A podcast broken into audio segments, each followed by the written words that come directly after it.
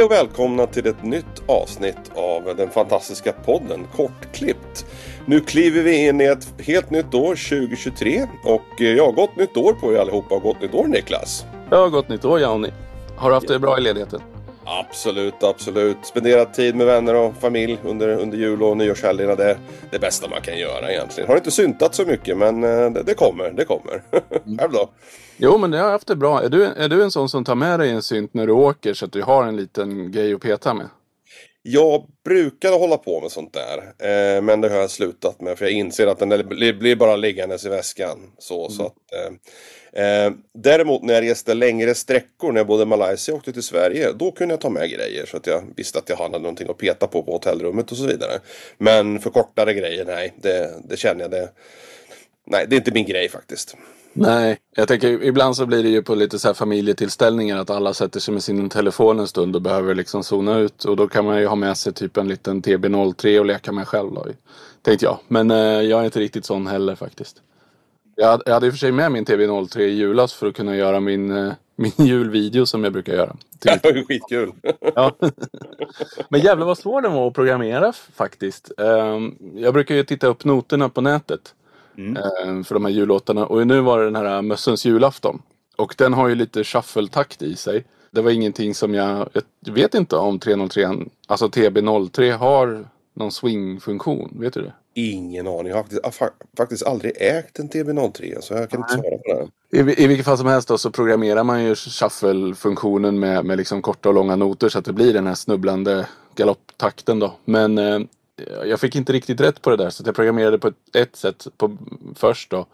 Eh, och det tyckte jag lät bra. Eh, men då blev inte takterna fyllda. Så att alla 16 mm. steg vart inte liksom upptagna. Och då lät det inte bra. Så sen när jag programmerade det rätt så blev det bättre. Men då var det extrem shuffle istället. Så det var lite lurigt. lite att pilla med. Men det där gjorde du innan julhelgen hoppas jag. Så att du inte satt där under middagen och peta. Nej, jag gjorde det dagen innan julafton faktiskt. Eh, hemma hos farsan. Ja, och nu är det ju nytt syntår då, 2023. Vissa har, säger att de ska vara syntmunkar, men det tror vi inget på. Utan det blir att man, att jag har faktiskt inte köpt någon synt i år än, så att... Eh. Nej, det har inte jag heller. Däremot så beställde jag ju av en kille som bygger bucklarmoduler åt mig för, förra året. Eh, och de lär väl ramla in i år då, tänker jag. Så jag vet inte om det räknas. Jag har inte betalt dem än. Ja, alltså har man beställt året innan så, så räknas det fan inte. Jag tycker inte det. Även om man Nej. inte har betalat. Nej, jag, jag, tycker inte det heller faktiskt. Så då, då är jag munk än så länge då. Ja. Nej men jag tänkte, eller vi tänkte att vi skulle prata lite grann om det här med att köpa nya syntar, lite grann hur, hur vi tänker. Och eh, jag tänkte dra det lite längre faktiskt och prata om eh, när man har fått hem sin synt, lite grann hur jag brukar bekanta mig med den. Mm. Men eh, börja gärna du. Ja, men absolut. Eh, det finns ju egentligen flera spår eh, som får mig att välja en, en, ny maskin. Det vill säga, jag kanske rent sonika har ett hål i min, eh, min setup där jag saknar en viss typ av feature eller någon ljud eller någon annan grej som inte jag kan göra med mina maskiner. Och då uppkommer ju den här liksom, vad ska man säga, search and, search and find-funktionen när man går ut på Youtube och allehanda forum och letar efter en apparat som kan tänkas fylla det där hålet. Vad kan det eh, vara till exempel? Ja, det kan ju vara, det kan ju vara eh, exempelvis eh, granular. Typ, vad ska man kalla det? Inte, inte en granular synt utan en effektenhet som klarar av att göra sådana här granular grejer. Mm. Eh, jag hade ju förut en, en sån här Bustle Micro Granny som var extremt bra på det. Men den hade så låg eh, bitrate. Så att det var liksom inte riktigt någonting man kunde använda för mer hi-fi grejer. Även om bitrate-grejen var kul eh, så var det svårt att få det att funka eh, för vissa andra typer av ljud, framförallt vokala grejer där man vill ha rena saker som studsade omkring. Eh, och det där tog mig faktiskt en evighet att hitta någonting som eh, eh jag ville ha. Tills, tills dess att eh, Akai bestämde sig för att uppdatera mjukvaran i sin Force. Och där de inkluderade en helt fantastisk granular eh, effektenhet som jag faktiskt har börjat använda. Eh, och känner idag då inget behov av en sån burk längre. Eh, så att det är ju en, skön, en solskenshistoria kanske man kan säga. Men eh, det är lite grann så jag har tänkt eh, vissa, alltså när det gäller att hitta de här hålen i min setup. Eh, och då är jag väldigt noga med liksom att och, alltså göra ordentlig research och leta efter en, en, en, rätt typ av maskin som passar både mitt arbetsflöde och även eh, featuremässigt sett eh, som jag vill ha då. Eh, och det där är en process som kan ta hur lång tid som helst innan jag egentligen sitter med den här enheten i, i slutändan då. Och sen har vi det här klassiska, du vet, eh, eh tillverkare X har släppt en ny apparat. Eh, då blir man alltid sugen och nyfiken på vad det är för någonting. Och det kan ju vara som så att man har en viss vision av, av ett instrument, vad den kan tänkas göra. Och då kan det gå oftast ganska mycket fortare att införskaffa den enheten. För att jag har liksom en, en idé. Jag kanske får en idé om en låt, kanske får en idé om ett sound som jag vill göra med den. Eh, och på, på det sättet känner jag, att nu måste jag ha den här burken. Köper jag hem den. Och på så sätt då eh, så kommer jag igång med mitt, mitt ljudskapande, musikskapande. Och det var faktiskt Norand Mono ett exceptionellt exempel på just den typen av inköp. Jag såg eh, Loopop gjorde en eh, fantastisk review på den. Eh, säkert inte den första som har köpt en enhet efter den videon. Eh, och då kände jag att nej men det här skulle passa mig och mitt arbetsflöde. Och kände att jag hade någonting lite kanske som saknas då i, i min setup. Ja men det där när det kommer en speciell tillverkare brukar ju vara Det håller man ju liksom koll på. Det missar man ju inte. Typ att Sequential har släppt något nytt och Moog släpper något nytt och sånt där. Då kollar man ju alltid in det och ser vad det, vad det är för någonting. Eh, eftersom jag inte är lika produktiv som du och inte jobbar med musik lika intensivt och mycket som du eh, och kanske inte heller med målet att få någonting klart hela tiden. Så är mina syntköp väldigt mycket mer spontana. Det blir mer så här att jag ser en produkt, blir kär i den uh, och så, så, så övertygar jag mig själv om att jag måste ha den och så köper jag den och så använder jag den inte och så säljer jag den. Men, men uh, jag spenderar väldigt mycket tid på att stirra på bilder på uh, frontpanelen på maskiner. Framförallt förr när jag köpte, alltså när det inte fanns så mycket nya maskiner utan det, det mesta var liksom någon vintage-maskin man hade hört talas om. Då tyckte jag jättemycket om att sitta och titta på frontpanelen och försöka lura ut hur den funkar. Och ser man ju ofta modulationsmöjligheter. Man ser liksom om den är ergonomiskt upplagd och, och sådana där saker. Och, och så liksom, det, det, brukar jag kunna spendera timmar på att titta på liksom olika syntars panel. Men då måste det ha varit maskiner som inte har någon menydyk utan en ren liksom en ratt, en funktion eller sådana typer av burkar. Ja, absolut.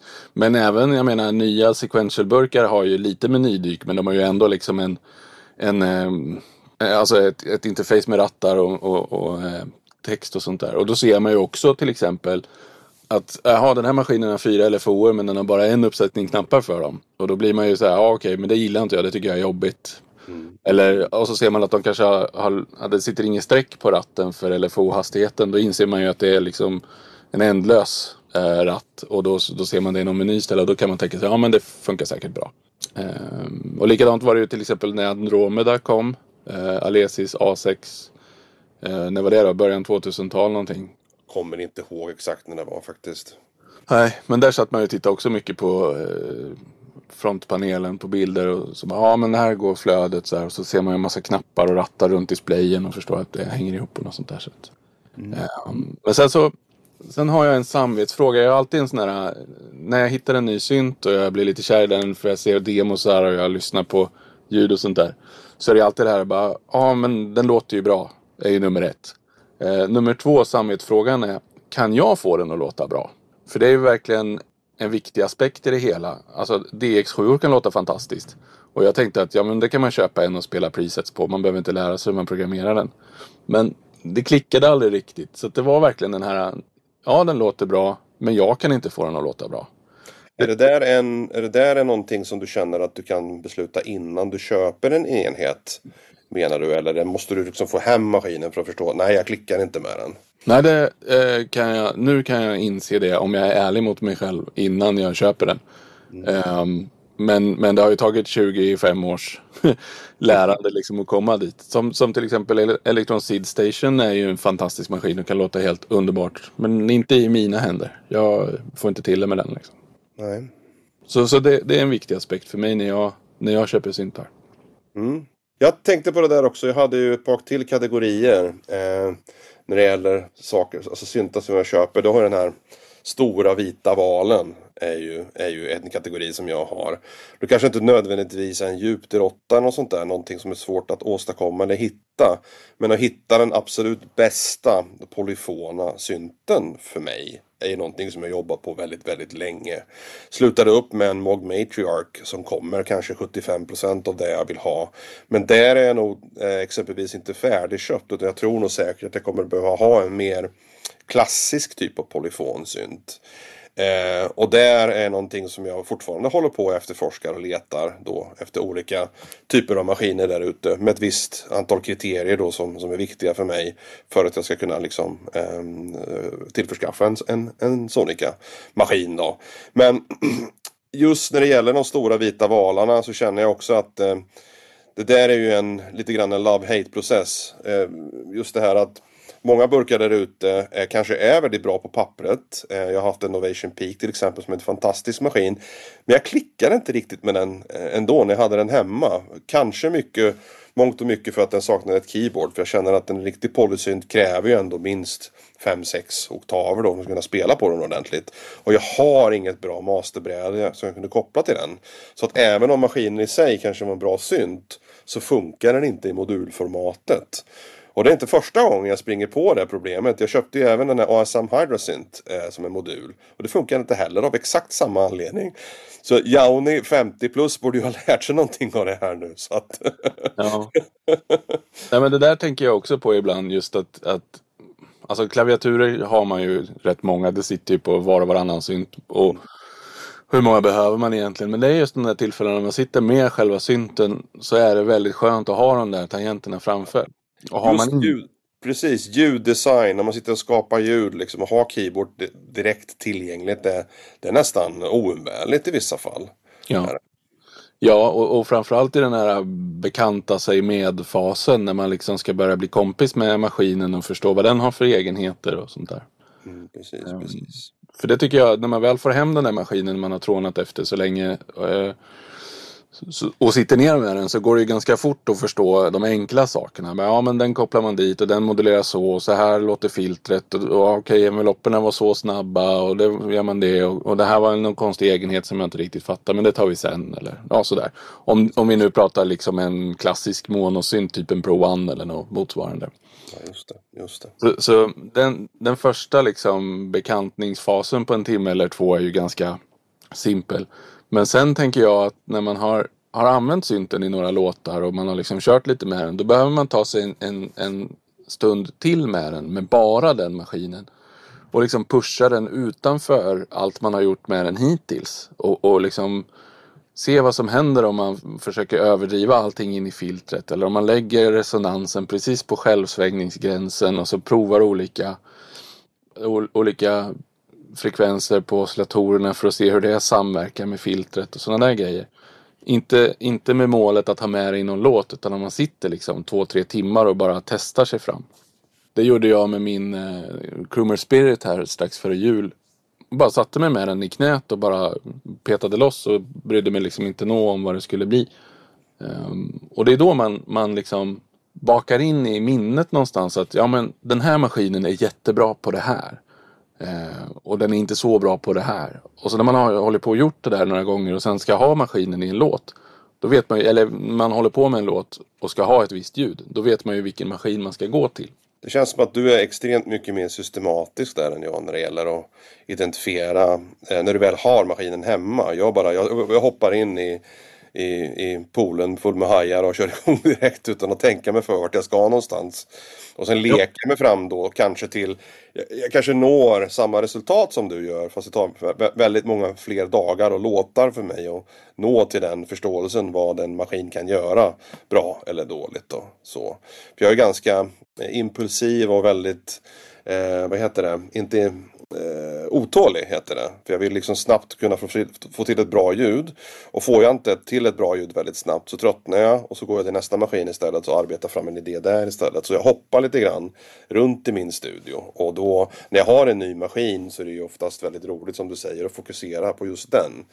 Eh, men jag känner även att jag får inte ge den nya enheten för mycket uppmärksamhet för då blir de andra syntarna ledsna. Så jag måste liksom pilla på dem också. ja men så är det ju. Man får inte glömma bort någon krake som aldrig får vara med och leka. Precis, precis. Men eh, har du någonsin gjort så att du har använt en och samma synt till alla ljud i en låt? Det tror jag faktiskt inte. Ja, räknar väl inte en låt som bara har ett eller två instrument då, antar jag. Men nej, jag har inte gjort den här, du vet, det här kan en eh, Pro 1 göra, jada jada, från, från scratch. Det, det har jag aldrig gett mig på faktiskt. Nej.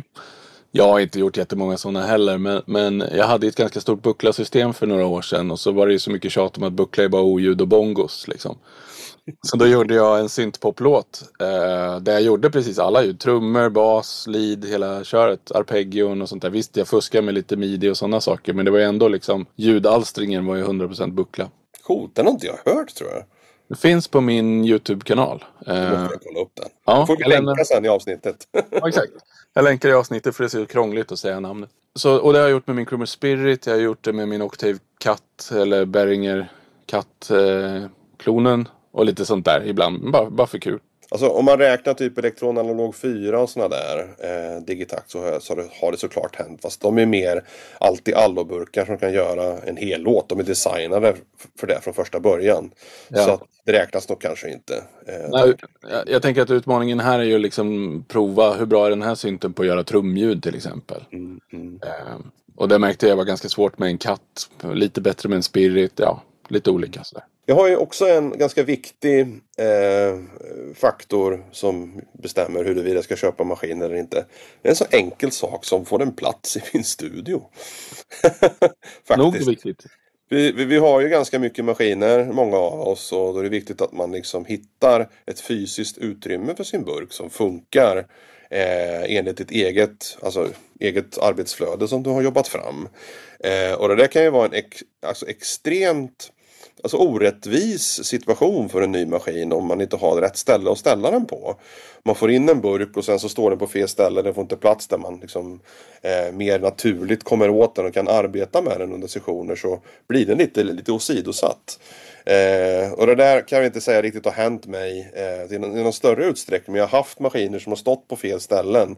Och då har jag fått möblera om hela studion jag har fått in en ny maskin för att allting ska liksom sitta på rätt plats. Och det här är för mig en ganska viktig grej i och med att många av de låtarna som jag gör är liksom gjorda helt live från scratch från början till slut i en tagning. Om då burkarna inte står på rätt avstånd från varandra så jag kan använda dem på rätt sätt och skruva på ljuden när det behövs så blir det inte att man använder maskinen på det sättet som jag hade tänkt då. Eh, och har man begränsat med utrymme som jag tror att många av oss har så är det en väldigt viktig faktor att tänka på. Finns det faktiskt plats för den på det sättet som man vill använda den i min studio? En jätteviktig tanke och, och det där har jag drabbats lite av för att jag har, har ju börjat göra sådana där Doveless inspelningar som, som du pratar om här. Men för att kunna göra det så måste jag koppla upp mina syntar. Eh, jag, jag lägger ut en bräda på, på mitt, mitt fot, min fotpall framför soffan. Och, och på den brädan får jag plats med ganska mycket saker. Så att jag lägger liksom upp ett smörgåsbord där jag vill använda och så kopplar jag ihop det och sånt där. Men sen har jag ju lite saker stående i en hylla en liten bit bort. Och då vill jag ju använda dem också. Men då kanske det är min monomaskin. Och så, då kan jag ju inte byta pattern på den samtidigt som jag byter på min syntakt som ligger två meter längre bort. Liksom. Så, så det där är ju, precis som du säger, eh, en viktig, väldigt viktig aspekt. Jag hade ju min eh, Matriarch som jag köpte och alldeles nyligen, eller nyligen förra året. En av de senare syntarna, stora syntarna jag köpte. Och där krävdes det ju en hel del ommöblering i min studio för att det skulle funka, få in den överhuvudtaget. Så att eh, jag tycker ju om att ha mina keyboards på en sida av studion där jag har liksom alla manualer jag kan spela på. Sen har jag mina trum, eh, alltså 303 typ boxar och trummaskiner på andra sidan och, och modularen. Så när jag liksom hoppar fram och tillbaka så har jag liksom lätt tillgängligt alla de maskiner jag vill arbeta med. Så att det, det är verkligen A och O. Eh, och framförallt då när man arbetar in muskelminnet då, som vi pratade om, om i andra avsnitt så är det viktigt att man inte flyttar på grejerna för ofta heller. För att gör man det så, så, så hamnar man lite grann i osynk med sin studio. Eh, och då är det väldigt viktigt att veta vart allting står någonstans. Så man egentligen mer eller mindre i ett mörkt rum kan hitta kartoffratten på synt X så att säga. Just det. Men du kör dina saker nästan 100% av tiden uppkopplat på samma sätt och inmöblerat på samma ställe och sådär. Jajamän, jajamän. De- Så är det. det är jätte, jätteviktigt för min process och för att jag när jag har längre stunder eh, ifrån studion, att jag, när jag kommer tillbaka så känner jag igen mig. Eh, ju mer jag kopplar om och krånglar och har med desto, desto svårare blir det liksom för mig att, att starta ett nytt projekt. Eh, däremot det jag kan göra det är lite grann som du gör när du kör din Dale så att jag tar mina maskiner och flyttar dem till ett annat del av huset. Kanske ett annat bord eller någonting jag ställer upp och det är min dedikerade lilla lekhörna så att säga. Eh, och på det sättet kan jag skapa nya små poddar och nya idéer eh, med ett mindre antal enheter. Och det kan vara inspirerande också. Och det kan ju vara ett bra sätt att introducera en ny maskin på i sin studio också. Och bara jobba med ett fåtal enheter istället för hela armadan av instrument. Då. Just det. Ja men det är smart och sen så när du är klar med det så, så stoppar du bara in dem i, eh, i studion igen och så kör du på där du var liksom. Precis ja, precis ja. Och då kan du till och med plocka med dig om du sitter och, och hittar någonting, något embryo till någonting i något annat rum. Då kan du plocka in det i studion och bygga på det med mer saker. Precis, precis. Ja, det är inte så dumt. Men vad, den här polysynten som du drömmer om, vad har den för kriterier? Vad, vad vill du ha i den då? Ja, det är minst åtta röster. Eh, jätte, jätteviktigt. Helanalog. Det, ska inte, det, det, kan ju få vara digitala LFO och sånt där. Eh, kan det få vara. Men jag vill att det ska vara många LFO-er. Mycket modulationsmöjligheter.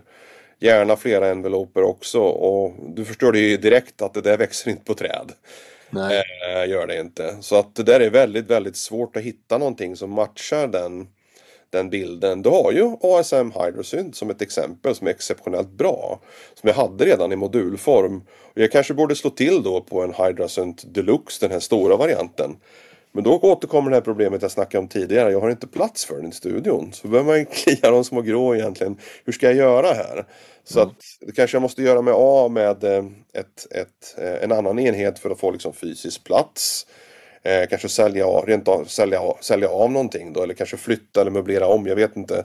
Så det där är ett riktigt prekärt problem jag har. Men när det gäller poly, riktigt riktiga analogare, typ 6-8 röster, massvis med LFO och, och modulationsmöjligheter. Det är jätte, jätteviktigt. Eh, och sen är det väl inte så himla noga vad det är för filter och sådär utan jag är mer ute efter liksom möjligheten som ett stort antal analoga röster ger mig i mm. designsyfte. Då. Så det finns ju en del burkar där men de är väldigt fåräknade och de kostar tyvärr en hel del pengar också. Ja, den, den som jag kommer att tänka på är en Expander eller Matrix 12. Där har du ju... Ja, jag har tänkt på det. där har du modulationsmöjligheter till förbannelse men så kostar det ju lite också. Dessutom så låter de. Mm. De brummar. Eh, om det är trafon eller displayerna eller vad det är. Men de brummar. Mm. Och sen har de steg, de har ju oändliga rattar men de är stegade i ganska stora hack. Så de låter rätt mycket när man vrider på dem. Mm. Men det är helt magisk synt. Jag hade ju en, en expander när jag bodde i Karlskoga faktiskt under några år. Som jag... Ibland sequensade jag den med midi. Men det var nog väldigt sällan. Den har ju CV-gate-ingångar till alla rösterna. Jajamän. inte. Shit. Nej, så den sequensade jag med, med CV-gate-maskiner. Eh, bland annat en sequencer som jag byggde själv och, och eh, en gång. Apropå det här med att göra låtar. Där, eh, en maskin gör alla ljuden. Jag gjorde faktiskt en låt med en expander när den gjorde alla ljud. Trummor och allting. Och den har ju digitala envelopper med en ganska, ganska trött Alltså det är det väl inte men processorn har mycket att göra om man säger så med all modulation och sånt där. Så enveloppen är ju inte snabbast i världshistorien. Men det gick att göra hyfsade trumljud med den ändå. Så ja men Expander är en fantastisk maskin. Den är ju en modular i polysynt funktion liksom. Ja det är ju återigen då den vita valen lite grann. Ja, ja eh, och en Matrix 12 är ju helt galen liksom. Det är svårt, alltså, så, så brukar jag rannsaka mitt eget samvete. Men behöver jag verkligen en sån? Eh, men jag har ju idéer om ljudlandskap som jag vill göra. Alltså sådana här evighetsljud som håller på. Eller som modellerar LFOer. Sådana där grejer i huvudet. Som jag inte riktigt kan få till i min modul modulsynt. På grund av att den är som oftast monofonisk. Eller i bästa fall kanske duofonisk. Och det kan jag inte bygga liksom stora mattor och pads och sånt där på ett tillfredsställande sätt då eh, i den. Och då har jag känt liksom att nej men polyfonmaskin är ju egentligen det jag behöver tror jag till de grejerna. Jag lutar ju mycket på VST och sånt där gör jag. Och digitala syntar också för att åstadkomma vissa av de här grejerna. Men jag känner ändå att det, det är någonting där i den analoga polyfonvärlden som jag känner det har ett visst skimmer. Det må vara jag som är dum i huvudet men det känns som att det är någonting jag, jag saknar och vill höver. mm. Ja men så är det ju. Ehm, det är väl egentligen ingen av oss som direkt behöver någonting av det här. Eh, I och med att vi inte jobbar med det liksom.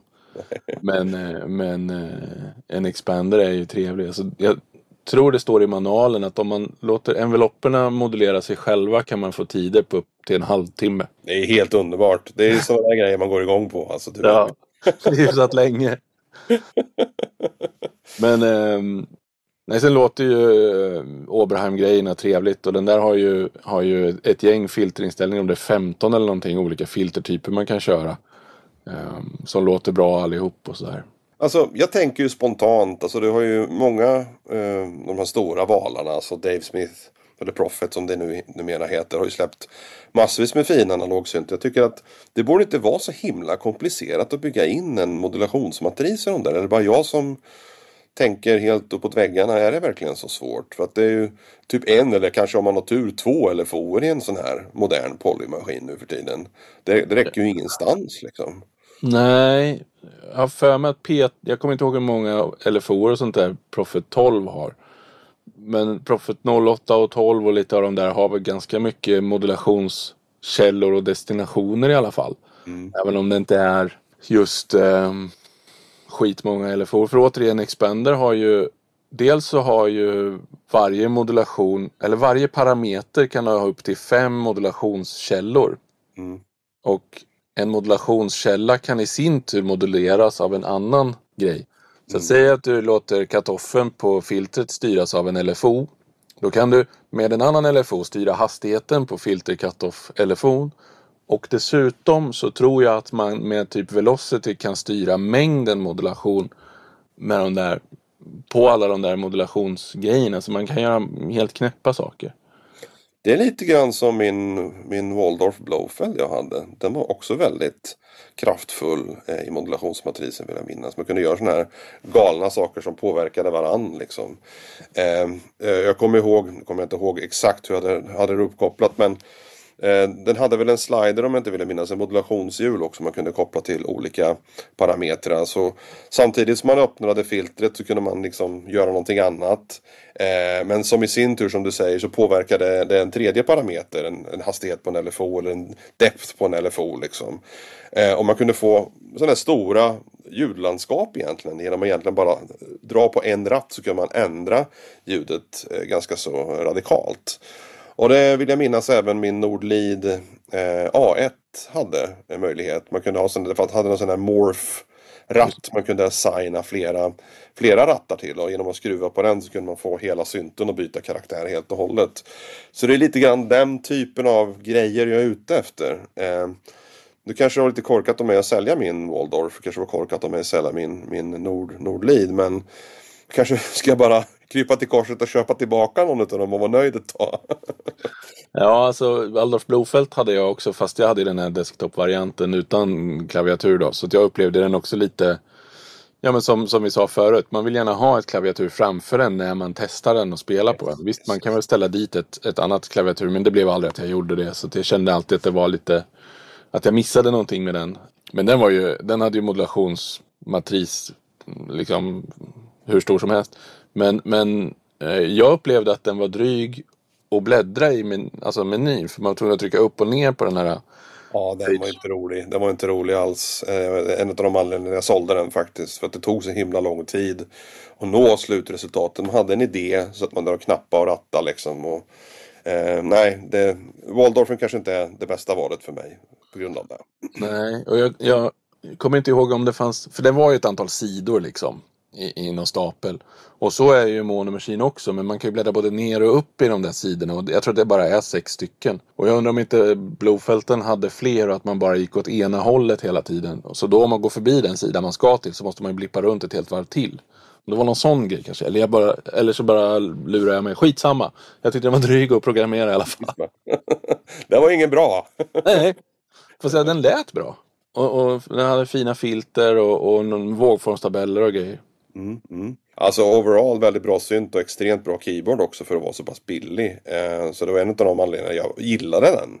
Eh, den var så skön att spela på. Eh, jag vet inte, det var standard Fatar tror jag men det var en fantastisk känsla och viktning i, i det här keyboardet. Så det är någonting jag saknar faktiskt från den burken. Apropå eh, keyboard och bra grejer. Har du kollat på den här Expressive Osmose Eh, den här keyboard synt grunk emojen Ja, ungefär 10 000 timmar film på YouTube.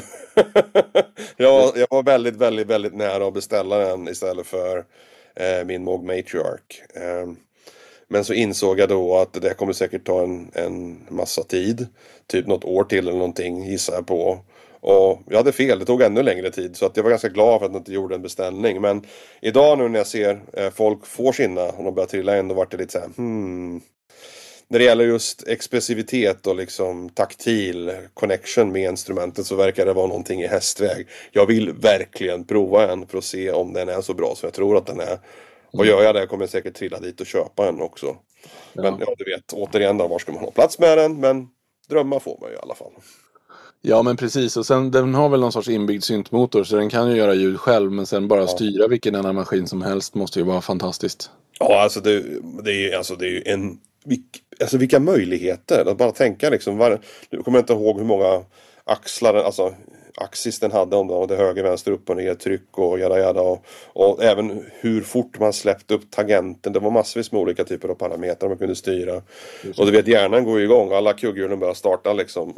Och kunna styra flera enheter, egna andra syntar i sin setup med den där vore ju helt magiskt och fantastiskt. Så att ja. eh, man tar bort den här, ja nu ska vi få en flöjt att låta så autentiskt som möjligt. Bara det, det intresserar mig exakt precis noll. Det som är roligt med de här maskinerna är att använda de här kontrollerna till alla andra magiska synttyper av ljud man kan skapa med sin studio. Det är det som jag triggar och går igång på. Ja, ja men absolut. Både, ja, men både modularen liksom och styra fem sex parametrar med varenda tangent liksom. Eller, eller, eller jag menar en, en kompetent polysynt måste du kunna göra hur mycket som helst med också. Ja, precis, precis. Jag kommer inte ihåg om det var MP eller någonting som används utåt. Men det var säkert något liknande. Men du kan säkert assigna i alla fall alla parametrar till valfri midi eh, utåt. Borde man kunna göra tycker jag. Säkert. Ja men vad bra. Eh, det får nog bli första avsnittet för 2023 då. Så får ni önska gott nytt år till alla lyssnare. Absolut, och har ni idéer själva på vad ni tycker är viktigt när man köper en synt så hoppa gärna in på våran Discord och ta ett chatt där eller kommentera på Soundcloud eller något annat ställe. Perfekt. Ha det gott! Hej då!